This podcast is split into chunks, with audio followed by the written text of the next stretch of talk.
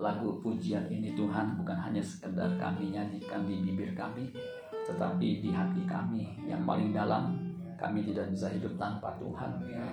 Biar kami boleh sungguh-sungguh menghayati Tuhan. Ketika kami hidup di bumi ini kami sangat membutuhkan Tuhan. Biar kami seperti Mazmur siapa gerangan ada padaku di surga selain engkau tiada yang kuingini di bumi ini. Biar Tuhan keinginan kami hanya engkau sendiri. Sebab ketika kami mendapatkan Tuhan di bumi ini kami akan mendapatkan Tuhan di kekekalan. Terima kasih Bapak di surga seberapa banyak kami yang hadir yang penuh dengan kerinduan. Kami percaya kami akan dipuaskan. Karena ketika kami haus akan kebenaranmu maka kami akan dipuaskan. Dan kami percaya hanya kebenaran firmanmu yang bisa memuaskan hati kami dan akan memurnikan kami sehingga kami makin hari makin berkenan di hadapanmu Tuhan. Terima kasih Bapak kami merindukan firman-Mu yang menguatkan kami, yang mengubah kami sehingga kami makin serupa dengan Kristus. Untuk itu kami buka hati kami buat sabda firman-Mu jadikan hati kami tanah yang subur supaya ketika benih ditabur dia tumbuh dengan subur dan berbuah beripat kali ganda 30, 60 bahkan 100 kali lipat. Urapi kami semua ya Tuhan. Urapi juga hambamu yang tidak ada apa-apanya ini sehingga kami bisa menjadi kami bisa diberkati. Dalam nama Tuhan Yesus kami berdoa mengucap syukur. Haleluya. Yang percaya diberkati berkata, Amin. Tepuk tangan buat Tuhan Yesus. Silakan duduk terus. Shalom. Shalom. Ya, apa kabar saudara? Luar biasa puji Tuhan. Kita buka Alkitab kita dalam Daniel pasal 3 ayat 16 sampai 18. Daniel. Tapi kita nggak bicara Daniel, ya. Tapi bicara temannya, teman teman SMA-nya. Ada yang tahu teman SMA-nya Daniel? Teman Daniel, teman SMA-nya tuh Sadrah, Mesak, Abednego. Nah itu teman SMA-nya ya. Nah ini kita bicara Daniel, eh, temannya Daniel. Nah perikopnya kalau suruh baca di Alkitab Lembaga Indonesia itu diberi judul apa? Judulnya kalau Daniel pasal 3 ayat 1, nah kita kan baca ayat yang 16. Judulnya apa? Perapian yang menyala-nyala. Jadi perapiannya nggak padam tapi menyala-nyala. Ya. Nanti kita bisa baca ya, saudara kalau ada kesempatan baca di rumah. Ini tentang uh, Daniel pasal 3 ini luar biasa saudara. Bahkan keseluruhan kitab Daniel ini diakui penuh dengan hikmat dan juga ada profesi, ada nubuatan. Ya, ini luar biasa ya. Kalau saya udah berulang-ulang baca kitab Daniel, ya luar biasa. Nah, judulnya perapian menyala-nyala. Sama renungan yang saya akan sampaikan ini itu perapian yang menyala-nyala. Nah, perapian menyala-nyala itu apa ya dalam hidup kita? Ya, bagaimana kita menghadapi perapian yang menyala-nyala? Nah, kalau bahasa Inggris itu memberi judul Daniel's Friends are Tested. Apa? Daniel's Friends are Tested. Artinya apa? Daniel's ada S-nya. Ya. Friends. Friends itu teman-teman ada S-nya ya. Are tested. Artinya? Di? Tested di u? Diuji tes. Ya. bahasa Inggrisnya tes itu diterjemahkan juga tes. Uji. Ya. Jadi teman-temannya Daniel diuji yang namanya tadi siapa? Teman SMA-nya adalah Mesa Abednego. Ya. Dulu saya pikir kalau punya anak laki tuh dinamain aja Daniel Sadrah Mesak Abednego eh bener ada yang nama anaknya itu nah itu Pak Niki itu Daniel, Sadrah, Mesak, Abednego. Nah saya bilang kalau yang ke lima, kelima nggak ada saudara ya. Ya, kelima mungkin Samuel ya. Jadi nama anaknya ini cocok di sini ya, Daniel SMA. Ayat 3 ayat 16 langsung. Lalu Sadrah, Mesak, Abednego, nah ini temannya Daniel, menjawab Raja Nebukadnezar. Raja apa? Nebukadnezar. Tidak, ini Raja Nebukadnezar raja di Babelonia, di Babel. Tidak ada gunanya kami memberi jawab kepada tuanku dalam hal ini. Dalam hal apa? Nah, kalau sudah baca di ayat sebelumnya, ya, ayat 1, dalam hal apa? Ya. Eh, dalam hal Raja Nebukadnezar kan membuat sebuah patung emas. Di ayat 1 itu tingginya 60 hasta. 60 hasta itu kurang lebih 30 meter. Tepatnya 27 meter. 60 hasta. Lebarnya berapa? Ayat 1 6 hasta. 6 hasta itu sama dengan 3 meter. Jadi patung tingginya 27 meter, Saudara bisa bayangin 27 meter itu sama dengan 6 lantai. Ya, 6 atau 7 lantai. Kalau satu lantai kurang lebih 3 sampai 4 meter itu kalau 4 meter berarti kan 24 kali 7. Ya, 7 lantai. Itu tinggi gedung. Bayanginnya kayak apa? Nah, gedung sebelah nih, gereja kita nih. Ini ada 6 lantai. Jadi tinggi dikit. Kemudian lebarnya 3 meter. Nah, ini berarti kan patung sesosok manusia. Ya. Kemudian dikatakan ya, sebuah patung emas kemungkinan dibuat dari eh, emas ya. Begitu. Emas semua kemungkinan. Kenapa kok Nebukadnezar membuat patung emas? Kemungkinan menurut penafsir di ayat 2 di pasal 2 itu kan mimpi dari Nebukadnezar ada patung betul kan yang kepalanya dibuat dari emas kemudian perak ya kemudian tembaga kemudian campuran ah, besi sama tanah liat. Nah, kemungkinan itu diinspirasi dari itu. Makanya Nebukadnezar membuat sebuah patung emas yang tingginya 60 hasta. Lalu Raja Nebukadnezar ayat 2-nya menyuruh orang mengumpulkan para wakil raja, para penguasa, para bupati, para penasehat, penasehat negara, para bendahara, para hakim, para ahli hukum, dan semua kepala daerah untuk menghadiri pena, pentabisan patung yang telah didirikan itu. Jadi ada pentabisan. Nah, termasuk Sadrah, Mesa, Abednego hadir. Kalau kita baca di pasal 2, Sadrah, Mesa, Abednego ayat yang terakhir tuh pasal 2 itu adalah dia ya penguasa atau kepala atau uh, kalau suruh baca Daniel 2 Sadrah, Mesa, Abednego itu yang mem, me, apa, menguasai atau memimpin sebagian wilayah Babel. Ya, termasuk Sadar Mesak Abednego. Kalau Daniel ada di istana. Nah semua harus menyembah patung emas yang dia dirikan itu.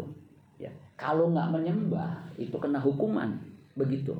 Nah singkat cerita ya karena waktu ya enaknya sih memang kita baca ya itu ada laporan kalau kita baca ada laporan yang sampai ke Raja Nebukadnezar ya. Di ayat 12 ada beberapa orang Yahudi Daniel 3 ayat 12 yang kepada mereka telah Tuanku berikan pemerintahan atas wilayah Babel. Babel kan luasnya. Yakni Sadra, Mesa, Abednego. Orang-orang ini tidak mengindahkan titah Tuanku. Ya Raja, ayat 12 tuh ya. Mereka tidak memuja Tuanku dan dewa tuanku dan tidak menyembah patung emas yang telah tuanku dirikan Jadi Sadrah, Mesa, Abednego kalau kita bayangkan mungkin karena pentabisan berarti ada upacara ya ketika ada bunyi-bunyian musik ya mungkin nah gitu ya nggak tahu bayanginnya semua nunduk nah kemudian ada tiga orang ini nggak nunduk pasti kan ketahuan. Ya. Makanya ada laporan tuh ya. Ini sebenarnya dilaporin ya kalau suruh baca ya. Ah, tidak nunduk. Ayat 13 sesudah itu Nebukadnezar memerintahkan dalam amarahnya dan geramnya untuk membawa Sadra Mesak Abednego menghadap menghadap setelah orang-orang itu dibawa menghadap raja. Raja kasih kesempatan. Ayat 14 berkatalah Nebukadnezar kepada mereka, "Apakah benar ini cukup bijaksana ya jadi nggak telah mentah-mentah laporan pemimpin tuh begitu periksa dulu apakah benar Hai Sadrah Mesak dan Abednego ya karena kan udah dikasih kekuasaan untuk memerintah sebagian wilayah Babel. Kenapa nggak tunduk? Bahwa kamu tidak memuja dewa dewaku dan tidak menyembah patung emas yang kudirikan itu. Benar nggak? Ayat 15 sekarang jika kamu bersedia ada kesempatan kesempatan yang pertama dia tidak taat. Demi kamu mendengar bunyi sangkakala. Jadi ada sangkakala. Seruling kecapi rebab gang, gambus. Ya gambus tahu kan ya itu kalau dimakan enak tuh ya. Pakai pucung tahu kan berarti dia. Nah itu gambus ya. Serdam dan berbagai jenis bunyi-bunyian. Sujudlah menyembah patung yang kubuat itu. Tetapi jika kamu tidak menyembah ini dalam amarah nih. Kamu akan dicampakkan seketika itu juga ke dalam perapian yang menyala-nyala dan dewa manakah yang dapat melepaskan kamu dari dari dalam tanganku? Dewa mana? Dewa di situ memakai kata Ibrani ilah. Eloah mana? Ilah Eloah. Itu artinya the mighty ya. sesembahan. Yang bisa melepaskan. Ya. lalu Sadra Mesak dan Abednego menjawab raja Nebukadnezar. Ini yang tadi kita baca tidak ada gunanya kami memberi jawab kepada tuanku dalam hal ini. Jadi ternyata Sadrah Mesak Abednego memang sudah punya standpoint. Apa ya istilah bahasa standpoint? Udah punya apa ya uh, ketetapan. Kenapa orang punya standpoint? Kenapa orang punya uh, kepastian untuk menghadapi sesuatu? Karena memang dia sudah belajar. Bagi orang Yahudi ya hukum yang utama ya hukum ya, yang utama Sema Israel dengarlah ya Allah itu Esa. Allah itu Tuhan kita Esa. Tidak boleh disembah, tidak boleh menyembah selain dia. Betul nggak? Keluaran pasal 20. Jangan ada padamu ya patung, buat patung, buat sesembahan, kemudian kamu sujud. Nggak boleh. Itu hukum. Orang Yahudi yang benar itu paham. Amin saudara? Nah saudara juga sama. Orang Kristen yang benar harus yakin Yesus itu Tuhan. Yang kencang cuma sebelah sini. Orang Kristen itu mesti yakin Yesus itu Tuhan. Juru selamat tidak ada Tuhan dan juru selamat selain Yesus. Keselamatan hanya dalam Dia. Sebab di bawah kolong langit ini tidak ada nama lain yang diberikan kepada manusia yang olehnya kita dapat diselamatkan. Itu mesti begitu tuh. Nah, Sadrah, Mesak, Abednego itu punya standpoint, punya stand firm, punya ketetapan. Makanya nggak ada gunanya. Mau dipaksa pun nggak ada gunanya kami memberi jawab kepada Tuanku dalam hal ini. No discuss anymore. Nggak ada diskusi lagi. Ya. Pokoknya harga mati. Coba katakan harga mati. Bisa ditawar nggak harga mati? Nggak bisa. Pas. Dan nggak bisa. Kurang lagi. Nah, ayat 17, jika Allah kami Allahnya Sadra Mesa Abednego itu Elohim Yahweh. Jika Allah kami yang kami puja sanggup melepaskan kami, sanggup gak? Sanggup, dia Allah di atas segala Allah, Raja di atas segala Raja, Tuhan di atas segala Tuhan. Maka ia akan melepaskan kami dari perapian menyala-nyala itu. Dia sanggup. Dan dari dalam tanganmu ya raja. Raja kan bilang siapa yang bisa nolong? Nah tiga orang ini berkata Allah kami. Tetapi seandainya tidak nah ini saya punya tulisan 2020 iman sekalipun seperti Habakuk sekalipun pohon ara tidak berbuah. Kemudian apa? Ada nyanyi ya pohon jengkol Ya kalau apa zaitun pak? Zaitun tidak berbuah, apalagi? Ah, pohon anggur nggak berbuah, apalagi? Itu kan pertanian tuh. Berarti pacaklik. Kambing domba terhalau, ya, kabur, ya, terhalau dari kandang. Kemudian apa lagi tuh?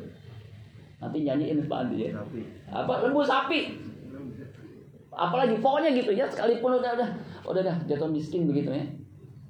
Dia tetap percaya dia tetap berria-ria dalam Tuhan. Itu iman sekalipun.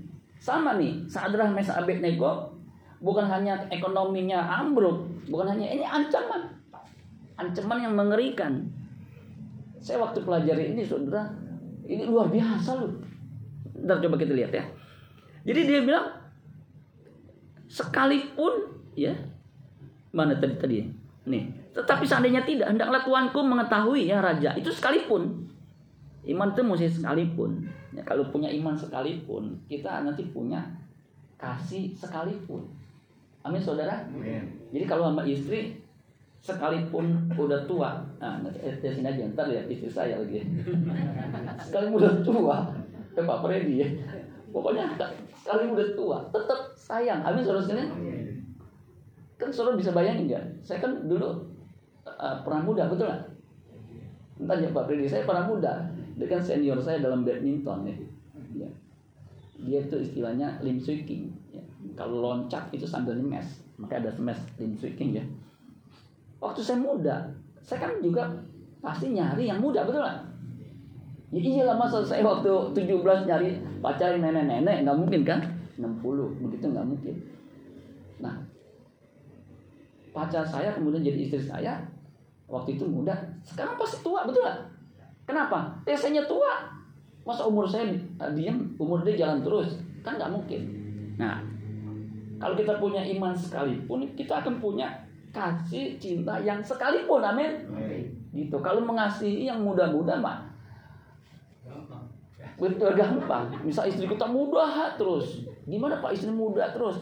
Ya simpen aja istri muda banyak gitu ya Ya, itu nggak perlu iman. Ya.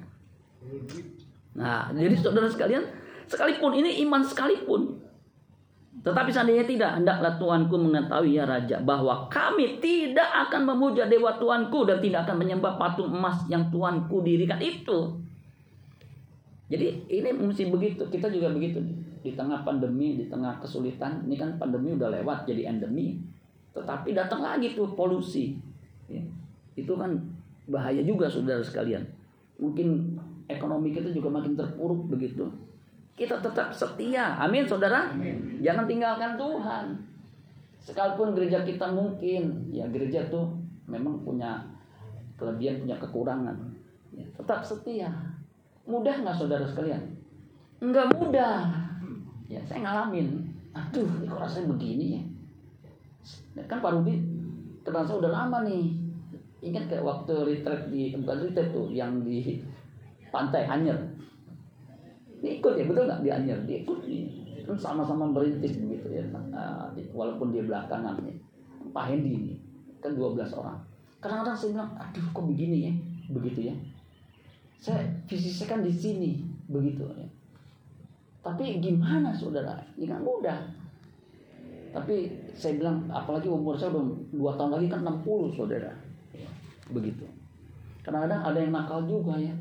Ojok-ojokin begitu. Nah itu nggak mudah seluruh sekalian memiliki iman sekalipun. Ayat 19 maka meluaplah kegeraman Nebukadnezar kalau tadi kan udah marah dan geram ketika ditolak meluap. Meluap artinya itu kan keluar tuh udah nggak bisa ditahan. Air mukanya berubah terhadap Sadra Mesa Abednego. Padahal Sadra Mesa Abednego nih kesayangan. Sebab referensinya kalau sudah baca di pasal 2 ayat terakhir, referensi Daniel. Daniel itu punya hikmat yang luar biasa. Dia bukan hanya bisa menafsirkan mimpi, dia tahu mimpi. Coba saya tanya nih, kalau bisa tahu saya kasih satu juta. Semalam saya mimpi apa? Saya kasih dompet saya. Yopi, mimpi saya apa semalam? Tuh, ambil. Tahu nggak? Sama kartu kreditnya sekalian tuh. Tahu nggak mimpi saya apa? Nggak tahu. Tapi Daniel bisa tahu mimpi raja. Kalau para ahli bijaksana, nggak ada satupun yang tahu kalau mimpi orang kecuali bisa menafsirkannya. Lu jangan macam-macam deh. Dan bukan dasar kan begitu tuh namanya raja, saudara ya. Kalau nggak ada, saya binasakan semua. Bingung. Daniel bisa. Kenapa Daniel bisa tahu mimpi? Kenapa? Kenapa? Hah? Ada hikmat Tuhan, marifat namanya. Nah, itu kan luar biasa. Kita lupa ketinggalan lagi. Nah, jadi saudara-saudara atas referensi Daniel maka sadar Mesa Abednego temennya itu direferensiin, di apa? Dijadiin pemimpin. Sekarang nggak mau menyembah, ngamuk. Kemudian saya lanjut lagi. Meluap, kan? Lalu diperintahkannya supaya perapian itu dibuat tujuh kali lebih panas dari yang biasa. Nah, saya coba teliti ya, kalau tujuh kali lebih panas, ini kira-kira perapian model apa ya yang bisa dipanaskan tiga eh tujuh kali. Nah menurut saudara ini perapian bisa muat orang. Ya. Kira-kira perapian apa saudara sekalian? Ada yang tahu nggak? Ah apa? Melebur emas. Jadi ah ini kan uh, dia pengrajin emas ya. Dia tahu ya. Ini mumpung ya. Jadi nyambung ya. Jadi patungnya kan patung emas. Untuk buat patung emas itu kan nggak mungkin emas yang dari tanah itu butiran-butiran emas itu bisa jadi itu mesti dilebur betul nggak? Jadi diduga para ahli mengatakan ini kemungkinan peleburan tempat peleburan emas.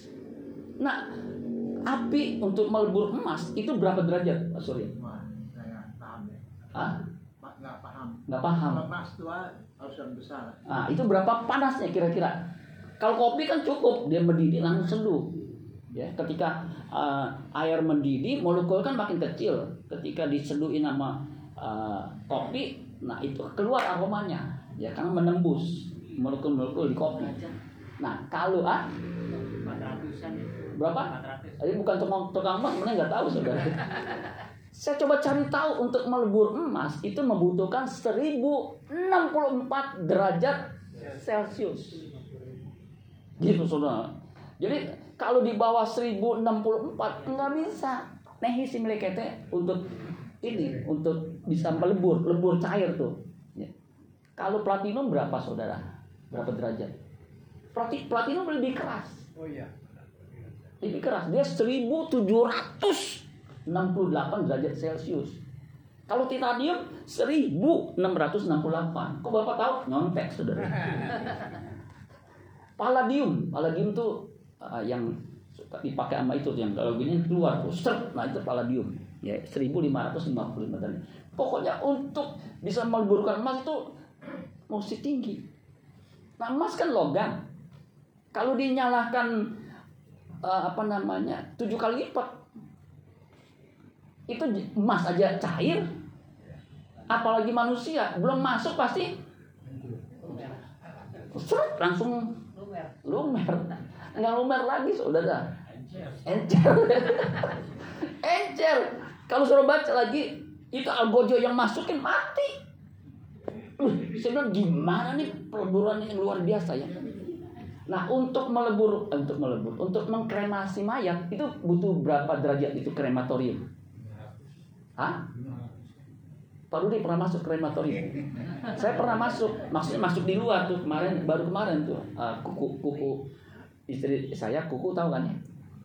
Ada kuku kaki. Nah ini kuku, kuku itu maksudnya uh, uh, tante. Ya. Itu di Grand Heaven itu kita nunggu kan? Ya, waktu kita nunggu masuk tuh ovennya, krematoriumnya. Ya. Pemimpin upacara mengatakan semua keluarga ketika peti masuk, tolong nundukkan kepala. Ah, nunduk.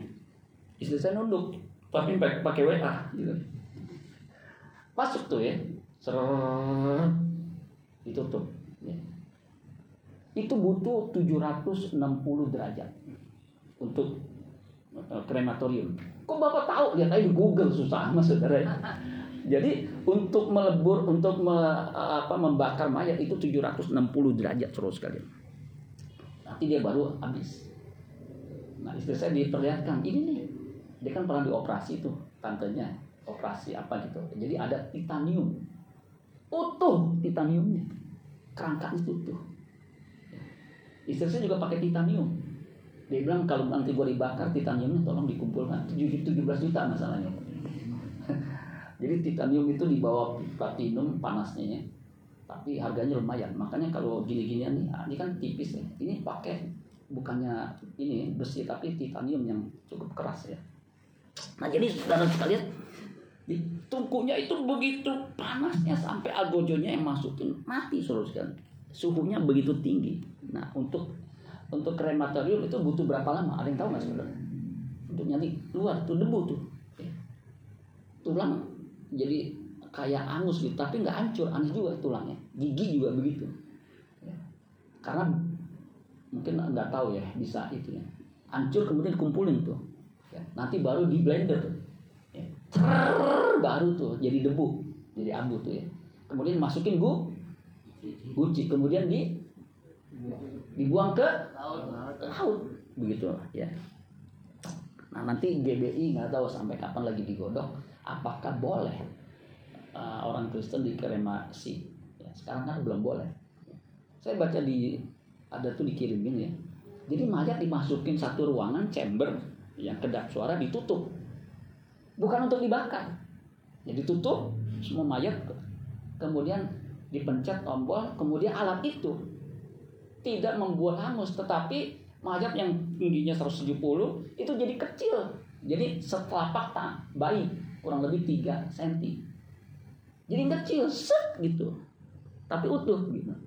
Mungkin dipres disedot ininya molekul-molekulnya sehingga jadi kecil segini. Kemudian dikumpulin ditaruh di pot dikembalikan sama keluarganya. Nah terserah keluarganya. Apakah taruh di bufet untuk dilihat oh bapak gua gitu. Nah, itu teknologi canggih saudara ya Nah, jadi saudara sekalian, ini ini luar biasa saudara sekalian. Pelajarannya apa saudara sekalian? Pelajarannya ya, karena waktu kan kita cuma ini. Kalau kita baca saudara sekalian, ya, langsung di ayat 25. Katanya, tetapi ada empat orang kulihat berjalan-jalan dengan bebas di tengah-tengah api itu. Mereka tidak terluka dan keempatnya itu rupanya seperti anak dewa. Seperti apa? Anak dewa. Jadi ketika dicampakkan ke dalam dapur perapian menyala buat peleburan emas itu, dan bisa dilihat. Saya nggak tahu bagaimana bentuknya sehingga bisa dilihat oleh Raja Nebukadnezar. Itu yang nampak yang masukin tiga. Kenapa yang ada empat? Kenapa saudara sekalian? Ini bisa teka-teki. Dimasukin tiga, yang kelihatan ada empat. Apakah itu Sadrah, Mesak, Abednego? Yang keempat itu rupanya seperti anak dewa. Kata anak dewa itu oleh King James itu diterjemahkan Son of God. Of God siapa saudara sekalian? Yesus. Jadi kalau kita sungguh-sungguh mengasihi dia, men mencintai dia, tetap percaya sahabat dia, itu di dapur perapian yang panasnya 1800 Fahrenheit yang sama dengan 982 derajat Celcius karena itu peleburan kan ya, atau 1000 itu Tuhan ada di situ amin Kenapa? Memang ada janjinya kalau kita baca terus kan. Ini ayat terakhir ya. Di Yesaya pasal yang ke 43. Yesaya 43 ayat 1 dan 2. Dikatakan begini. Jadi son of God ya.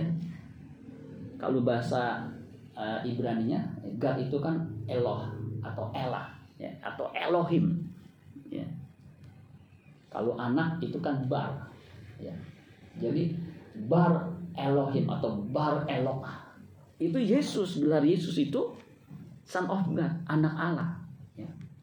ya saya 43 satu tetapi sekarang beginilah firman Tuhan yang menciptakan engkau. Hai Yakub yang membentuk engkau. Hai Israel janganlah takut sebab aku telah menebus engkau. Aku telah memanggil engkau dengan namamu. Engkau ini kepunyaanku saudara itu umat kepunyaan Tuhan amin bangsa yang terpilih imamat yang rajani bangsa yang kudus yang dipanggil keluar untuk memberitakan perbuatan yang besar. Ya. Apabila engkau menyeberang melalui air, aku akan menyertai engkau. Atau melalui sungai-sungai, engkau tidak akan dihanyutkan. Apabila engkau berjalan melalui apa? Api, engkau tidak akan dihanguskan dan nyala api tidak akan membakar engkau. Kenapa? Karena Tuhan menyertai. Amin saudara sekali. Kalau kita punya iman, sekalipun apa pun, meskipun itu dipanaskan tujuh kali, tapi kalau kita tetap setia, percayalah Tuhan ada di situ. Amin. Saya sudah melalui kesulitan yang luar biasa saudara sekalian.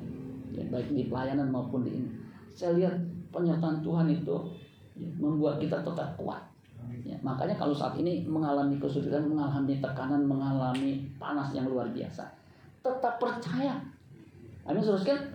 Di situ ada anak Allah yang menyertai kita.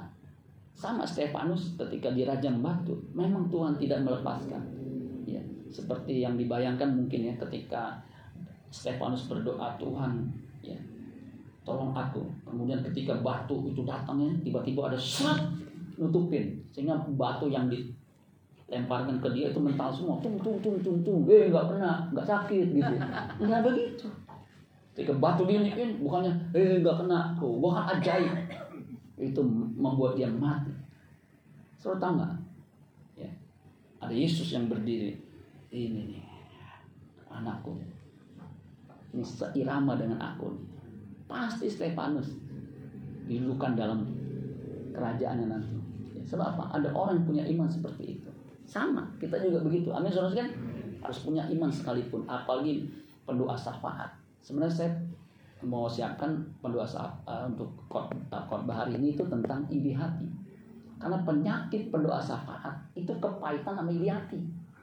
Jadi saya mau khotbahin begitu. Eh, saya dapat yang ini saudara. Ya udah yang ini aja ya. Yang itu nanti kapan-kapan kalau ingat ya. Jadi solusinya kita para pendoa syafaat harus punya iman sekalipun.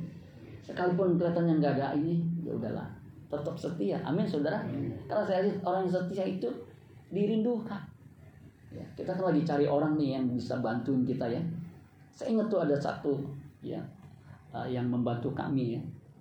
Wah itu setia luar biasa. Kalau saya doa pagi itu pagi-pagi udah bukain. Kalau saya udah pulang, saya pulang malam gitu nih. Wah itu orang luar biasa ya. Dia belain betul ya, setia. Makanya ketika anak saya pernah nakal gitu ya waktu kecil dia tendang atau dia pukul, yang saya marahin itu anak saya. Jangan begitu sama ini, begitu ya. Sebab apa? Luar biasa ini orangnya. Dia satu-satunya mbak yang panggil saya papi. Itu papi. Dia pernah ngomong, boleh nggak panggil papi? Boleh. Nah, tanya dulu pernah kerja di Pak ini. Papi. Bukannya sapi ya, sapi saya marah ya. Anak saya panggil aja saya papa. Papi. Papi. Esther marah papi. Kenapa? Gitu saudara ya. Ah itu kalau saudara setia tuh. Ya meskipun mungkin cuman asisten rumah tangga itu dirindukan amin saya kadang-kadang nanya itu gimana terus itu ya sama harus ada saudara di sini ya ada sehat ya. begitu sama kalau saudara setia Tuhan berdiri merindukan untuk saudara pulang ke rumahnya amin ya amin. Buat firman Tuhan. Tuhan Yesus memberkati. Tepuk tangan buat Tuhan Yesus